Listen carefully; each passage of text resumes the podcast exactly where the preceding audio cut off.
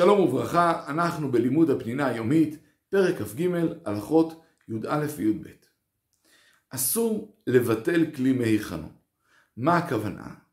אסור לקחת כלי שהיה ראוי לשימוש ולגרום לכך שהוא לא יהיה ראוי לשימוש. ניתן כמה דוגמאות לדבר. נניח שיש נר של שמן, והשמן המלוכלך נוטף, ואדם רוצה לקחת כלי ולשים מתחת לשמן. אסור, מכיוון שהשמן שינטוף יהפוך את הכלי למוקצה, וממילא ביטלת את הכלי, אי אפשר כעת להשתמש בכלי. יש פתרון לדבר, אם הוא יניח בתוך הכלי דבר שיותר חשוב מהשמן המטונף הזה, אז ממילא הכלי הוא יהפוך להיות בסיס דבר האסור והמותר, ואז יהיה מותר לטלטל את הכלי. אותו דבר, אסור לתת, לשים כלי תחת התרנגולת, שתטיל שם את הביצה, כי הביצה היא מוקצה. אבל שוב, אם ישים, ישים דבר יותר חשוב מהביצה, הדבר יהיה מותר. אם יש איזה ניצוצות שעפים מהנר, אפשר לשים כלי, כי ניצוצות הן ממש, ולא יהיה שום דבר ממשי בתוך הכלי אחר כך. רק הניצוצות לא ידליקו שום דבר אחר. וכל זה בתנאי שאין בכלי מים. אבל אם יש בכלי מים, אסור לשים את הכלי, את הכלי כדי שהניצוצות יעופו לתוך המים, כי בזה אתה מקרב את כבויו והדבר אסור. כחלק מאיסור ביטול כלי מהיכנו, אסור אה, להרטיב קרים וקצתות שאחרי זה לא יוכל להשתמש בהם, אסור לטנף בגדים ככה שאי אפשר יהיה להשתמש בהם, לכן אם נשפכו משקים על הרצפה, אסור לקחת בגדים ולנגב איתם, כי אז הבגדים לא יהיו לשימוש. אלא אם כן, זה השימוש הזה.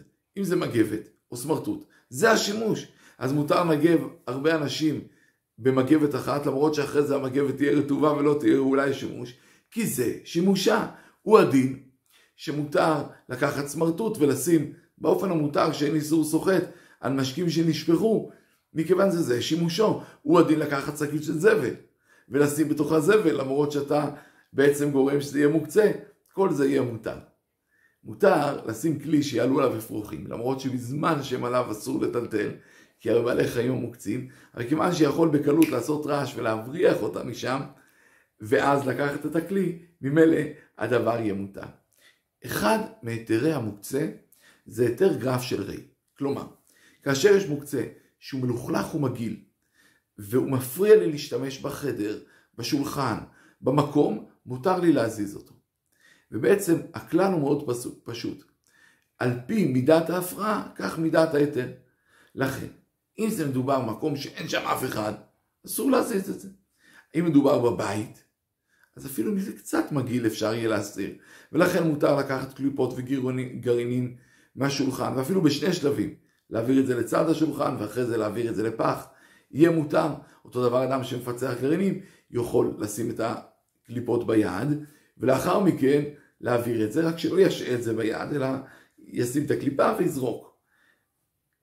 כך שאם זה בבית, אפילו דברים שהם לא כל כך מגעילים, כמו סירים קצת מלוכלכים, אה, כוסות וצלחות עם שירי מאכל, כל זה יהיה מותר להזיז, למרות זה מוקצה משום היתר גרף של רי. אם זה ברחוב, רק דברים ממש יותר מגעילים, כמו צואה שנמצאת ברחוב אפשר יהיה להסיר. אגב, כשאמרתי בית, זה לא רק בית, זה יכול להיות גם בחצר, מקום שאנשים יושבים קרוב. ואם זה בחצר שאין בה כל כך שימוש, אפילו צואה יש אסור. אבל אם יש נבלה שמפיצה ריח רע מאוד ומגיעה עד המקום שאנשים יושבים, אפשר יהיה ממילא לפנות שם. פח שהתמלא, למרות שהוא מוקצה כי זה דברים שהם לא ראויים לשימוש.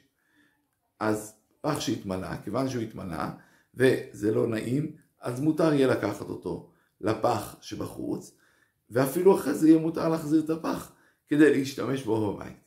וזה כל זה, כמו שאמרנו, מהיתר גרף ה', שקובע את העיקרון, נתנו הרבה דוגמאות, חשוב לדעת העיקרון, שכל דבר מגעיל, מפריע, אפשר יהיה להזיז אותו, וככל שההפרעה יותר גדולה, ככה אפשר יהיה להזיז אותו ממילא יותר בצורה פשוטה, אם אין כל כך הפרעה, אז כמובן שאי אפשר יהיה להזיז אותו. שלום שלום.